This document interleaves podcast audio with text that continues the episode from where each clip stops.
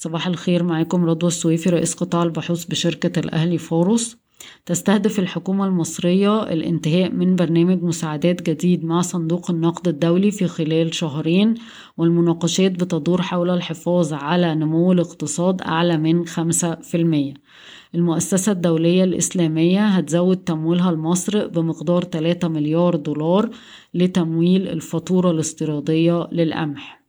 قال وزير البترول إن مصر ستطرح عطاء جديد للتنقيب عن النفط والغاز في النصف الثاني من عام 2022 شركة سيدي كرير أصدرت نتائج أعمال إيجابية للربع الأول من عام 22 بأرباح 251 مليون جنيه بارتفاع 65% على أساس سنوي بالإضافة إلى ارتفاع الأسعار في حدود 10% لكن أكتر حاجة دفعت الزيادة هي النمو في أحجام المبيعات لأن الشركة دخلت سنة 2022 بمخزون كبير قوي باعته في الربع الأولاني. وبدأت الهوامش الحقيقة توصل للمستوى اللي نقدر نقول عليه في الحدود اللي هي طبيعية في حدود 17% جروس مارجن الشركة بيتم تداول السهم عند مضاعف ربحية حوالي خمسة ونص مرة لعام عشرين اتنين وعشرين.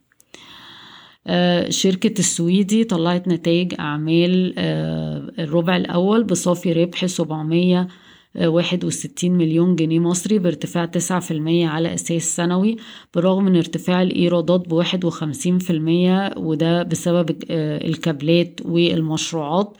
بس كان في ضغط كبير قوي على الهوامش بسبب ارتفاع التكاليف. آه، السهم بيتم تداوله عند مضاعف ربحية تقريبا أربع مرات لعام عشرين اتنين وعشرين.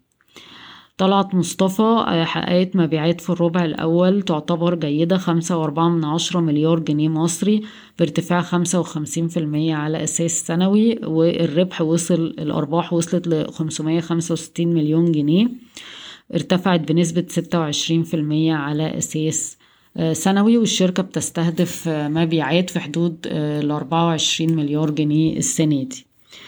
عقد رئيس مجلس الوزراء اجتماع مع المطورين العقاريين لمناقشة تنظيم القطاع تمهيدا لإصدار الإطار التنظيمي بشكل رسمي.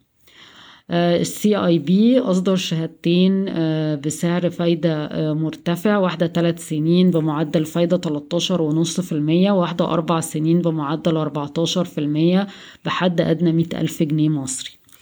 شركة فاليو آه، آه، بتستهدف إصدار سندات توريق بقيمة 700 مليون جنيه مصري قبل نهاية الربع الثاني من عام 2022 بدأنا نغطي سهم B آه، Investments مع توصية بزيادة الوزن أو overweight القيمة العادلة بتاعتنا 17 جنيه و67 قرش للسهم.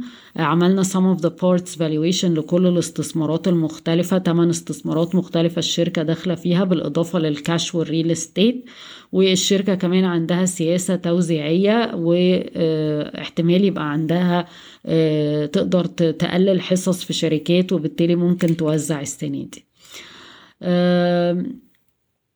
القاهرة للدواجن Cairo Poultry أصدرت صافي أرباح للربع الأولاني من 22 52 ونص مليون جنيه مصري ارتفاع واحد ونص في المية على أساس سنوي. آه، وطبعا برضو الأسعار هي اللي ساعدت الإيرادات ترتفع ولكن آه، الهوامش في عليها ضغط والسهم بيتم تداوله عند مضاعف ربحية تقريبا ست مرات لعام 2022 دايس آه، أصدرت تقرير القيمة العادلة اللي كانت طالباه الهيئة للموافقة على زيادة رأس المال وتقرير القيمة العادلة في اتنين سيناريو آه، قبل زيادة رأس المال القيمة العادلة أربعة جنيه خمسة وتمانين قرش وبعد الزيادة جنيه سبعة وتلاتين قرش. بس إحنا شايفين إن الأرقام والتوقعات المستقبلية اللي الشركة مستخدميها عشان توصل للقيمة العادلة. دي يعني متفائل بشكل كبير.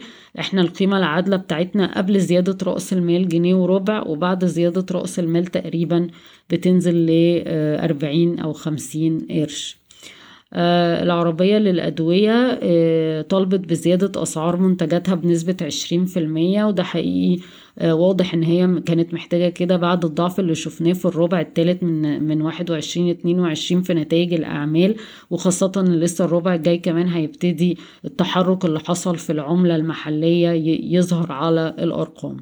بشكركم ويوم سعيد.